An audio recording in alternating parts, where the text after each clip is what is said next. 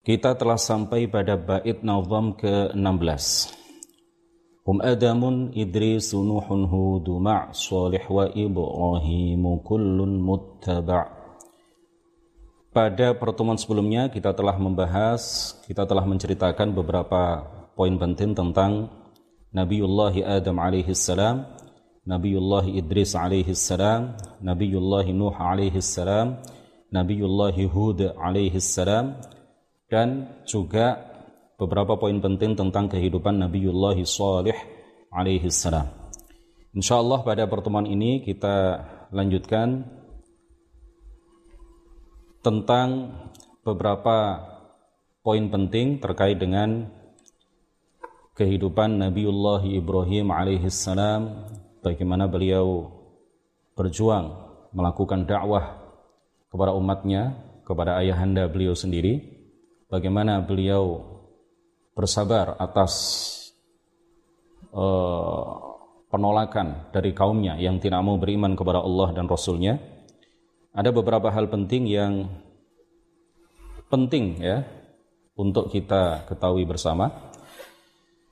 Ibrahim adalah anak laki-laki dari Azar. Ayahanda beliau namanya Azar. Dan Nabi Ibrahim ini mendapatkan kunyah sebagai Abu Dhifan. Abu Ad-Dhifan karena beliau adalah orang yang banyak menerima tamu dan banyak memuliakan tamu-tamu yang datang kepada beliau. Beliau adalah orang yang sangat memuliakan tamu dan sangat banyak tamunya sehingga beliau mendapatkan kunyah Abu Ad-Dhifan. Diceritakan di dalam kitab yang saya baca ini, wa kana ahlu Babil fil Iraq fi dzalikal waqti yatana'amuna bi raghatil 'aishi wa yatafayya'una dhilal an-ni'amil katsirati allati an'ama Allahu biha 'alaihim walakinnahum kanu yatakhabbatuna fid dhalali wal kufr. Nabi Ibrahim pada mulanya beliau tinggal di Babil atau Babilonia di Irak. Dan penduduk Babil ketika itu adalah penduduk yang kaya raya, mereka menikmati berbagai kenikmatan yang sangat luar biasa, yang sangat banyak, yang Allah anugerahkan kepada mereka, tetapi mereka adalah orang-orang yang yatakhabbatuna fid dhalali wal kufur. Mereka adalah orang-orang yang sesat dan kufur. Fanahatu bi aydihim al asnama wattakhadhuha min dunillahi alihatan wa akafu ala ibadatiha. Mereka memahat dengan tangan mereka berhala-berhala yang kemudian mereka jadikan sesembahan yang kemudian mereka ibadahi, yang kemudian mereka sembah berhala-berhala itu. Wa qila kanu ya'buduna al-kawakib as-sab'ah wa kana lahum asnamun bisyakli syamsi wal qamari wa asnamun bisyakli al-kawakib. Dikatakan dalam satu pendapat bahwa penduduk Babil di Irak ketika itu menyembah tujuh bintang ya menyembah al-kawakib as-sab'ah bintang-bintang yang tujuh dan mereka memiliki berhala-berhala yang sebagian dalam bentuk matahari, sebagian dalam bentuk bulan, dan sebagian dalam bentuk bintang-bintang. Wa kana alaihim hakimun zalimun mustabiddun yuqalu lahu atau Namrud bin Kan'an. Penguasa mereka, penguasa rakyat Babil ketika itu adalah seorang penguasa yang zalim, seorang raja yang zalim, seorang raja yang diktator yang bernama Namrud bin Kan'an muluki alladhina malakul arda wa ahata mulkuhu masyariqal ardi wa magharibaha Namrud ini adalah salah seorang raja yang daerah kekuasaannya sangat luas. Salah satu raja dalam sejarah perjalanan dunia, ya, dalam sejarah perjalanan uh, uh, apa bumi ini, bahwa dia adalah salah satu raja yang daerah kekuasaannya luar biasa luas, sampai dikatakan ahata mulkuhu masyariqal ardi wa magharibaha. Ya, wilayah kekuasaannya itu terbentang mulai dari ujung timur bumi sampai ujung barat bumi. Falamma ra'a ma huwa alaihi min az-za'amati wa ma yatamatta'u bihi min sadwatil mulki wa quwwati sultani wa ra'a ma adbaqa ala qaumihi min al-jahli wal fasadi da'a al-uluhiyyah wa da'a qaumahu ila ibadatihi. Ketika dia melihat dan menilai bahwa dirinya adalah orang yang kekuasaannya full ya full power kekuasaannya terbentang luas, dia juga adalah seorang yang uh, diktator dan tidak mau dibantah oleh siapa pun dan dia melihat bahwa rakyat yang dia pimpin, rakyat yang dia kuasai itu adalah rakyat yang tenggelam dalam kebodohan mereka. Maka Raja Namrud kemudian menggunakan kesempatan itu untuk apa? Me mengklaim dirinya sebagai sebagai uh, Tuhan yang wajib disembah oleh rakyatnya. وقد كان إبراهيم عليه الصلاة والسلام كغيره من الأنبياء منذ صغره ونشأته مسلما مؤمنا عارفا بربه معتقدا عقيدة التوحيد منزها ربه عن مشابهة المخلوقات مدركا أن هذه الأصنام التي يعبدها قومه لا تغني عنهم من الله شيئا وأنها لا تضر ولا تنفع لأن الضار والنافع على الحقيقة هو الله تعالى وحده Nah, perlu kita tegaskan di sini perlu digarisbawahi ya perlu digarisbawahi perlu di eh, apa diyakini dengan sebenar-benarnya keyakinan ya sangat penting untuk diketahui oleh kita bersama? Bahwa Nabiullah Ibrahim alaihi salam sebagaimana nabi-nabi yang lain mereka sejak kecil mundu sigharihi wa nash'atihi musliman mu'minan arifan bi ya sejak kecil sebelum diangkat menjadi nabi, tidak ada satupun nabi, termasuk Nabiullah Ibrahim alaihissalam yang musyrik kepada Allah Subhanahu wa taala, yang pernah menyembah berhala, pernah menyembah bintang, bulan bintang atau e, matahari atau yang lain. Tidak ada satupun nabi, termasuk Nabiullah Ibrahim alaihissalam, baik sebelum maupun setelah diangkat menjadi nabi, itu yang pernah menyembah selain Allah, yang pernah berbuat kufur atau syirik kepada Allah Subhanahu wa taala. Allah Subhanahu wa taala memberikan petunjuk kepada para nabi termasuk Nabi Ibrahim alaihissalam sejak beliau masih kecil bahwa satu-satunya Tuhan yang berhak disembah hanyalah Allah Subhanahu wa taala. Dan diberi petunjuk bahwa selain Allah termasuk berhala, bulan, bintang, matahari itu semuanya tidak layak untuk disembah karena mereka tidak bisa memberikan manfaat sedikit pun dan tidak bisa menolak mara bahaya sedikit pun dari orang-orang yang menyembahnya. Dan diberi petunjuk bahwa yang memberikan manfaat secara hakiki dan yang menolak mara bahaya secara hakiki itu tiada lain hanyalah Allah Subhanahu wa taala, bukan yang lain.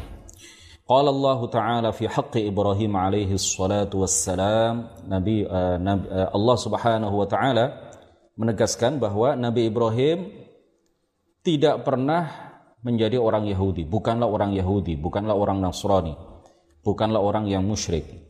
Tetapi beliau adalah orang yang sejak kecil sudah mengetahui bahwa satu-satunya Tuhan yang berhak disembah hanyalah Allah Subhanahu wa taala. Allah menegaskan dalam firman-Nya, "Maka kana Ibrahim Yahudiyyan wala Nasraniyyan walakin kana hanifan muslima wa ma kana minal musyrikin." Allah Subhanahu wa taala juga berfirman, "Walaqad atayna Ibrahim rushdahu min qabl wa kunna bihi 'alimin." Walaqad atayna Ibrahim rushdahu min qabl. Dan telah kami berikan kepada Ibrahim petunjuk sejak dia masih kecil bahwa satu-satunya Tuhan yang berhak disembah hanyalah Allah Subhanahu wa taala.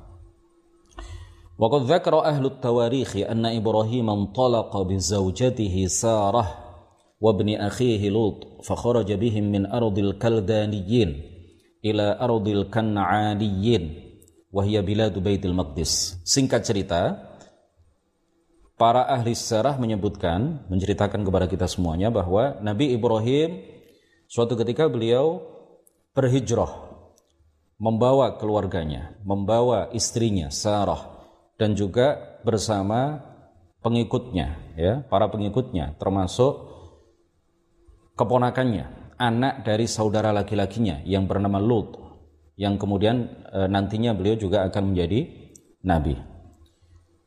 Mereka semuanya berhijrah dari tanah kaum Kaldaniyin menuju tanah kaum Kan'aniyin.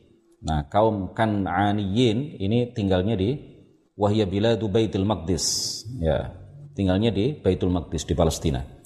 Fanazzalu Harrana wa kana ahluha ya'buduna al-kawakib as Mereka kemudian singgah di sebuah daerah yang bernama uh, Harran dan penduduk Harran ini adalah para penduduk yang menyembah bintang-bintang yang tujuh. Faqamal Khalilu Ibrahim alaihi salam yad'u qaumahu ila dinillahi wa tarki ibadatil asnam allati la tadurru wa la tanfa'.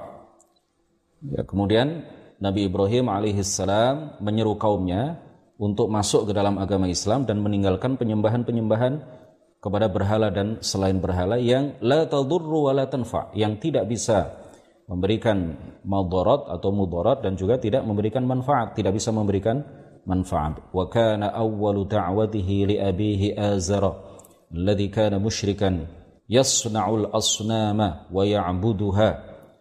Dakwah pertama yang beliau lakukan adalah kepada ayahanda beliau sendiri yang tidak hanya menyembah berhala tetapi ayahanda beliau sendiri adalah pembuat berhala, pembuat patung yang dengan tujuan untuk disembah. Fada'ahu ila ibadatillahi wahdah wa ila dinil haqqi al-islam bi'ibaratin latifatin fiha minal bayani wal hikmati wal maw'idhatil hasanati ma fiha. Beliau Nabiullah Ibrahim alaihi salam mengajak dan menyeru ayahanda beliau yang bernama Azar untuk hanya menyembah Allah semata untuk masuk ke dalam agama Islam dengan ungkapan-ungkapan yang lemah lembut dengan penjelasan-penjelasan yang penuh hikmah, penuh kelembutan ya dengan dengan mau'idhah hasanah. Beliau menyeru dan mengajak ayah beliau yang bernama Azar untuk masuk ke dalam agama Islam dan menyembah hanya kepada Allah Subhanahu wa taala. Lakinna Azar lam yaqbal nasihata Nabiyillah Ibrahim ولم يستجب لدعوته بل استكبر وعاند وتوعد وهدد ابنه إبراهيم بالشر warrajmi wal qatli akan tetapi Azar ayah beliau tidak menerima nasihat Nabi Ibrahim dan tidak memenuhi dakwah beliau, tidak memenuhi ajakan beliau untuk menyembah Allah Subhanahu wa taala. Balistakbara, tetapi dia sombong. Ya, keras kepala. Bahkan mengancam Nabi Ibrahim ya, mengancam beliau untuk membunuhnya. Mengancam akan membunuh Nabi Ibrahim anaknya sendiri dan mengancam akan melakukan apa pelemparan batu kepadanya, merajamnya. Wa qala lahu kama akhbarana Allah taala anhu fil Quran diceritakan oleh Allah di dalam Al-Qur'an qala araghimun anta an alihati ya Ibrahim la illam tantahi la arjumannaka wahjurni maliya Azar ayah Ibrahim berkata kepada Ibrahim apakah engkau membenci Tuhan-Tuhanku wahai Ibrahim? Jika engkau terus mengajakku ya untuk meninggalkan penyembahan berhala la arjumannaka maka aku pasti akan melempari kamu dengan batu. Maka pasti aku akan merajam kamu. Wahjurni maria dan tinggalkanlah aku dalam waktu yang lama. Fa inda dzalika qala lahu ibrahim salamun alaika Nabi Ibrahim kemudian membalas ancaman rojem dan ancaman pembunuhan yang dilakukan oleh ayahnya itu dengan mengatakan dengan penuh kelembutan salamun alaika. Baik ayahku aku tidak akan mengganggu kamu. Wazadahu bi an da'a lahu bi an yaghfir Allah lahu bid-dukhul fil Islam. Faqala sa'astaghfiru laka rabbi innahu kana bi hafiyya فليس معناه أني أطلب لك باللفظ كما يستغفر المسلم للمسلم بقول الله يغفر لك أو أستغفر الله لك لأن الله لا يغفر الشرك ولا يمحوه إلا بالدخول في الإسلام. وهذا قبل nah, ini dulu. Kemudian Nabiullah Ibrahim alaihi salam ya ta'alahu bi an yaghfirallahu lahu bid-dukhul fil Islam berdoa kepada Allah agar Allah mengampuni dosa-dosanya dengan sebab dia masuk ke dalam agama Islam. Lalu Nabi Ibrahim mengatakan seperti yang diceritakan di dalam Al-Qur'an, "Sa'astaghfirullah, sa'astaghfiru laka rabbi." Sa'astaghfiru laka rabbi innahu kana bi hafiyya. Nah, ayat ini jangan sampai disalahpahami bahwa Nabi Ibrahim mengatakan kepada ayahnya, "Aku akan mintakan ampunan dosa untuk wahai ayahku kepada Allah Subhanahu wa taala sebagaimana sebagaimana seorang muslim memintakan ampunan dosa kepada Allah untuk saudaranya sesama muslim. Ya, karena Azar ketika itu adalah orang yang musyrik. Azar ayah Nabi Ibrahim pada waktu Ibrahim mengatakan sa'astaghfiru laka rabbi, aku akan memintakan ampunan kepada Allah untuk mewahai ayah. Pada saat Nabi Ibrahim mengatakan seperti itu, ayah beliau yang bernama Azar itu adalah dalam keadaan musyrik. Dan orang musyrik tidak akan diampuni dosanya oleh Allah Subhanahu wa taala. Allah tidak akan mengampuni dosa-dosa orang yang yang musyrik. Oleh karena itulah para ulama kemudian mengatakan Sa'astaghfiru laka rabbi itu yang dimaksud adalah atau penafsirannya adalah aku akan memintakan ampunan dosa untuk wahai ayah dengan sebab masuk Islamnya engkau dengan sebab masuknya engkau ke dalam agama Islam. Artinya beliau mengajak ayahnya masuk Islam dan dengan sebab masuk Islam itu maka Allah akan mengampuni dosa-dosanya yang telah lalu. Nah itu yang dimaksud ya. Jadi bukan berarti Nabiullah Ibrahim alaihissalam memintakan ampunan dosa kepada Allah untuk ayahanda beliau dalam yang masih ketika itu dalam keadaan musyrik. وهذا كان قبل أن يعلم إبراهيم بوحي من الله أن أباه آزر لن يؤمن. Jadi apa yang beliau sampaikan itu ya ketika beliau mengatakan kepada ayahandanya saya akan memintakan ampunan dosa sebab masuknya engkau ke dalam agama Islam. Hal ini dikatakan oleh Nabiullah Ibrahim alaihissalam pada saat beliau belum tahu, belum diberitahu oleh Allah, belum diwahyukan kepada beliau bahwa ayahnya Azar tidak akan beriman. Allah Subhanahu wa taala menceritakan di dalam Al-Qur'an wa maka istighfaru Ibrahim li abihi illa amma wa'idatin wa'adaha iyyahu Falamma tabayyana lahu annahu aduwwun lillahi tabarra'a min. Dan tidaklah istighfar Ibrahim untuk ayahnya illa amma wa'idatin wa'adaha iyyahu kecuali adalah janji yang ia ikrarkan untuk ayahnya. Falamma tabayyana lahu annahu aduwwun lillah setelah menjadi jelas bahwa ayahnya adalah musuh Allah, tidak akan beriman kepada Allah Subhanahu wa taala, tabarra'a minhu maka Nabi Ibrahim berlepas diri dari ayahandanya, dari ayahnya. Ai lamma alima annahu la yuslim bal yamutu 'alal kufri tabarra'a minhu. Ya, sudah kita artikan tadi. Waqad azharallahu ta'ala 'ala yadi Ibrahim mu'jizatan 'ajibatan. وذلك أن قومه أرادوا أن ينتقموا من إبراهيم عليه السلام لما كسر أصنامهم وحطمها وأهانها fasyara'u yajma'una al-hataba min jami'i ma yumkinuhum. Ya dan seterusnya.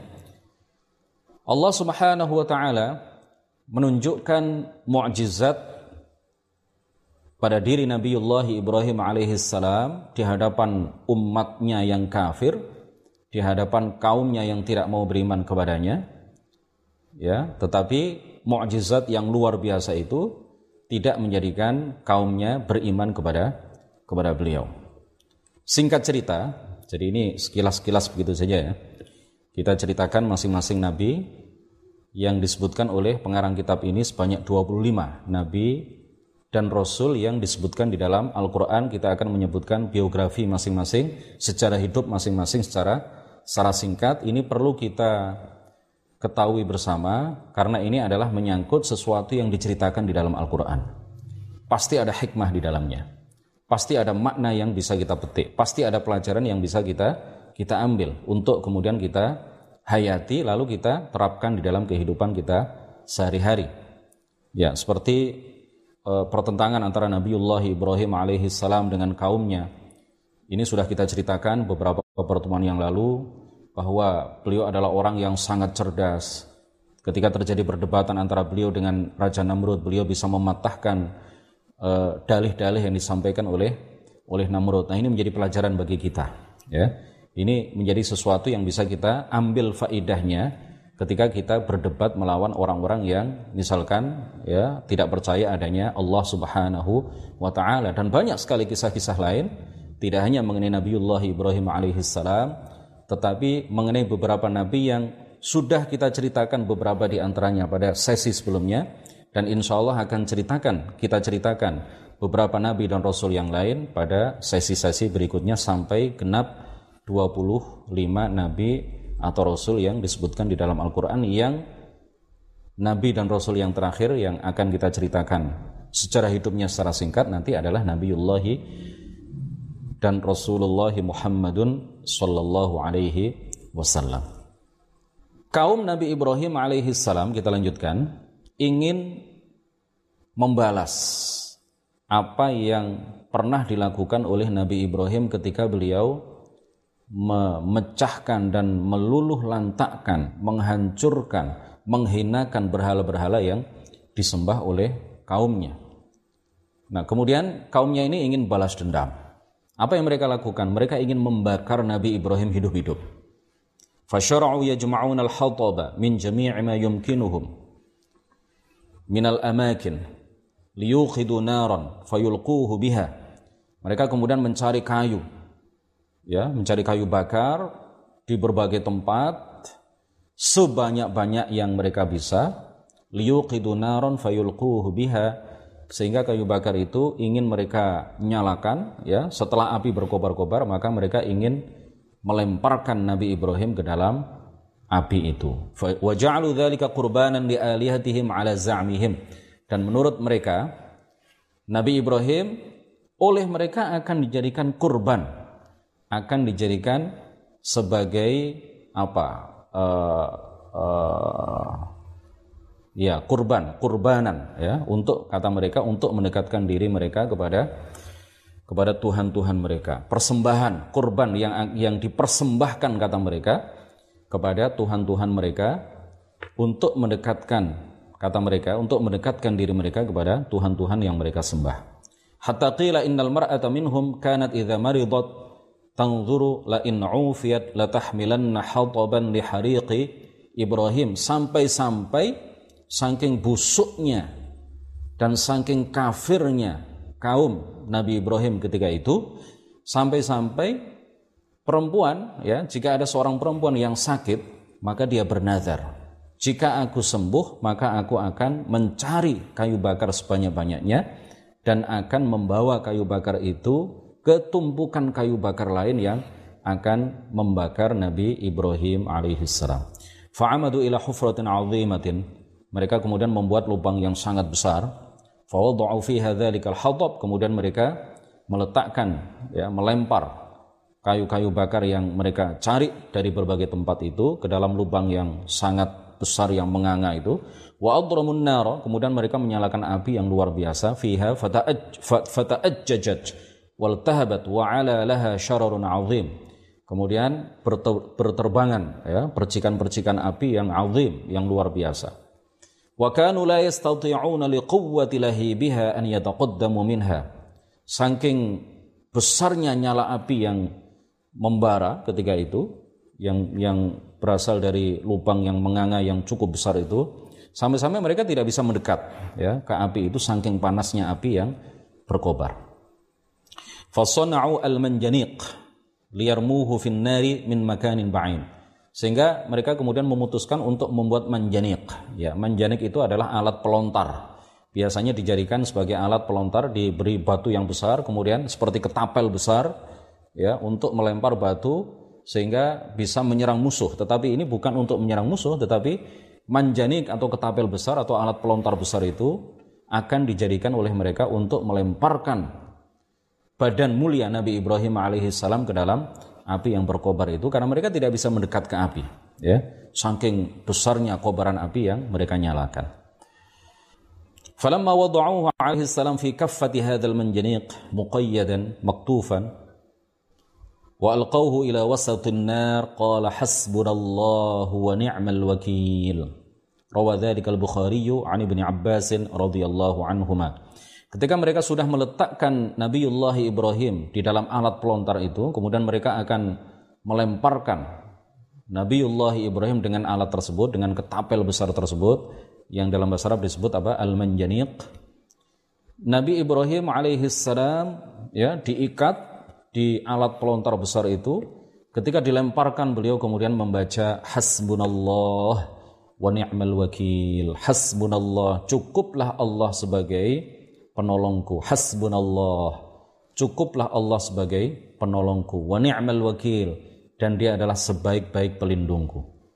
Hasbunallah wa ni'mal wakil. Hasbunallah wa ni'mal wakil. Cukuplah Allah sebagai penolongku dan Allah adalah sebaik-baik zat yang menjadi pelindungku. Falamma ulqiya Ibrahim lam tuhriqhu an-naru wa lam tusibhu bi'adhan wala thiyabuhu. Ketika Nabi Ibrahim dimasukkan ke dalam api yang berkobar-kobar itu, dilemparkan ke dalam api yang berkobar-kobar itu, maka api tidak uh, membakarnya sama sekali, ya. Bahkan pakaian yang beliau kenakan itu sama sekali tidak terbakar. لأن النار لا تحرق بذاتها وطبعها وإن الله يخلق الإحراق فيها. Nah, di sini ada pelajaran ilmu akidah, pelajaran ilmu tauhid yang bisa kita petik. Kata eh, pengarang kitab ini, syarah, syarah ya, salah satu syarah dari kitab Aqidatul Awam, beliau menjelaskan bahwa kenapa api tidak bisa membakar badan mulia beliau dan juga pakaian-pakaian yang beliau kenakan? Karena memang api itu tidak bisa membakar dengan sendirinya. Ya, Api itu tidak bisa menciptakan sesuatu menjadi terbakar. Api itu tidak dapat menciptakan apa pun. Sifat membakar yang ada pada api itu juga tidak bisa menciptakan sesuatu yang tersentuh olehnya menjadi terbakar. Karena pencipta segala sesuatu adalah Allah Subhanahu wa taala yang menghendaki terjadinya segala sesuatu adalah Allah Subhanahu wa taala, bukan api, bukan apa pun. Pencipta segala sesuatu adalah Allah. Qala Allah Ta'ala, "Qulna ya naru kuni bardaw wa salaman ala Ibrahim." Allah kemudian berfirman, "Ya naru kuni wahai api, kuni bardan." Jadilah engkau wahai api bardan, ya, dingin, wasalaman dan menjadi penyelamat ala Ibrahim terhadap Nabi Ibrahim alaihi salam. Fakanat hadhihi an-naru al-ha'ilatul 'azimatu bardan wa salaman ala Ibrahim falam tuhriqahu wa lam tuhriq thiyabahu. Setelah eh, dikehendaki oleh Allah Subhanahu wa taala api itu tidak membakar sedikit pun dari badan dan pakaian Nabi Ibrahim alaihi salam setelah Nabi Ibrahim dilemparkan ke dalam api itu apa yang dikehendaki oleh Allah pasti akan terjadi dan Allah lah pencipta segala sesuatu. Api tidak bisa menciptakan apa pun. Api tidak bisa menciptakan kebakaran. Pencipta kebakaran dan pencipta segala sesuatu adalah Allah Subhanahu wa taala dan Allah tidak menghendaki beliau terbakar ketika beliau tersentuh oleh api itu ketika beliau dilempar ke dalam api yang berkobar-kobar itu sehingga badan dan pakaian beliau kemudian tidak terbakar sedikit pun. Qila lam tuhriq siwa wathaqihi alladhi awthaquhu bihi. Api itu hanya membakar tali yang mengikat badan Nabi Ibrahim alaihissalam di dalam manjanik itu, di dalam alat pelontar besar itu. Jadi ketika dilempar, beliau diikat dengan uh, uh, beberapa utas tali di dalam alat pelontar besar itu. Ketika api kemudian uh, apa ketika beliau kemudian dilemparkan ke dalam api itu yang terbakar hanya tali yang mengikat badan mulia beliau sedangkan beliau badan beliau pakaian beliau sama sekali tidak terbakar wa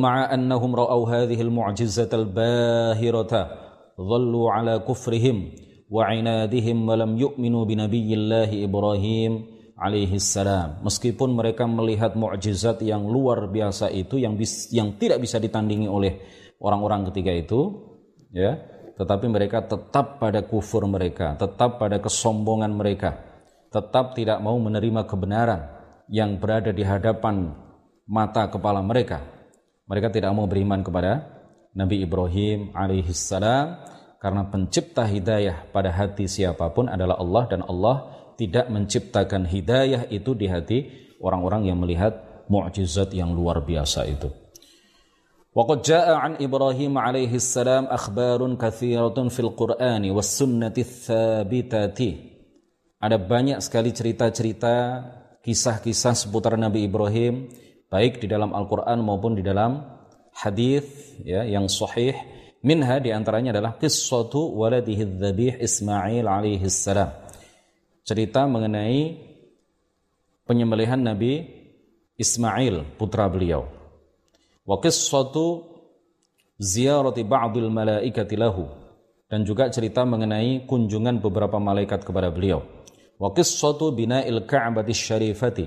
Dan juga kisah mengenai uh, upaya beliau dan apa namanya beliau ketika memenuhi perintah Allah untuk membangun Ka'bah yang mulia. Wa ghairu dzalika dan masih banyak lagi kisah-kisah yang lain ya yang insya Allah beberapa di antaranya akan kita ceritakan ketika kita membahas tentang atau menceritakan tentang nabi berikutnya di dalam urutan bait nazam itu yaitu Nabi Lut. E, karena Lut ini adalah keponakan dari Nabi Ibrahim, maka ada beberapa kisah mengenai Lut, mengenai Nabi Allah Lut alaihi salam itu yang juga menyinggung e, beberapa hal mengenai Nabi Ibrahim alaihi salam. Dan mengenai kisah tentang penyembelihan perintah ya dari Allah Subhanahu wa taala kepada beliau untuk menyembelih putra beliau, putra kesayangan beliau yang bernama Nabi Allah Ismail alaihi salam juga akan kita ceritakan ketika kita membahas tentang Nabi Ismail ya setelah cerita mengenai Nabi Nabi Lut. Untuk kajian kita pada malam hari ini saya kira cukup sampai di sini. Insya Allah kita lanjutkan uh, sedikit lagi ya untuk menyempurnakan bait nazam yang ke-16 ini.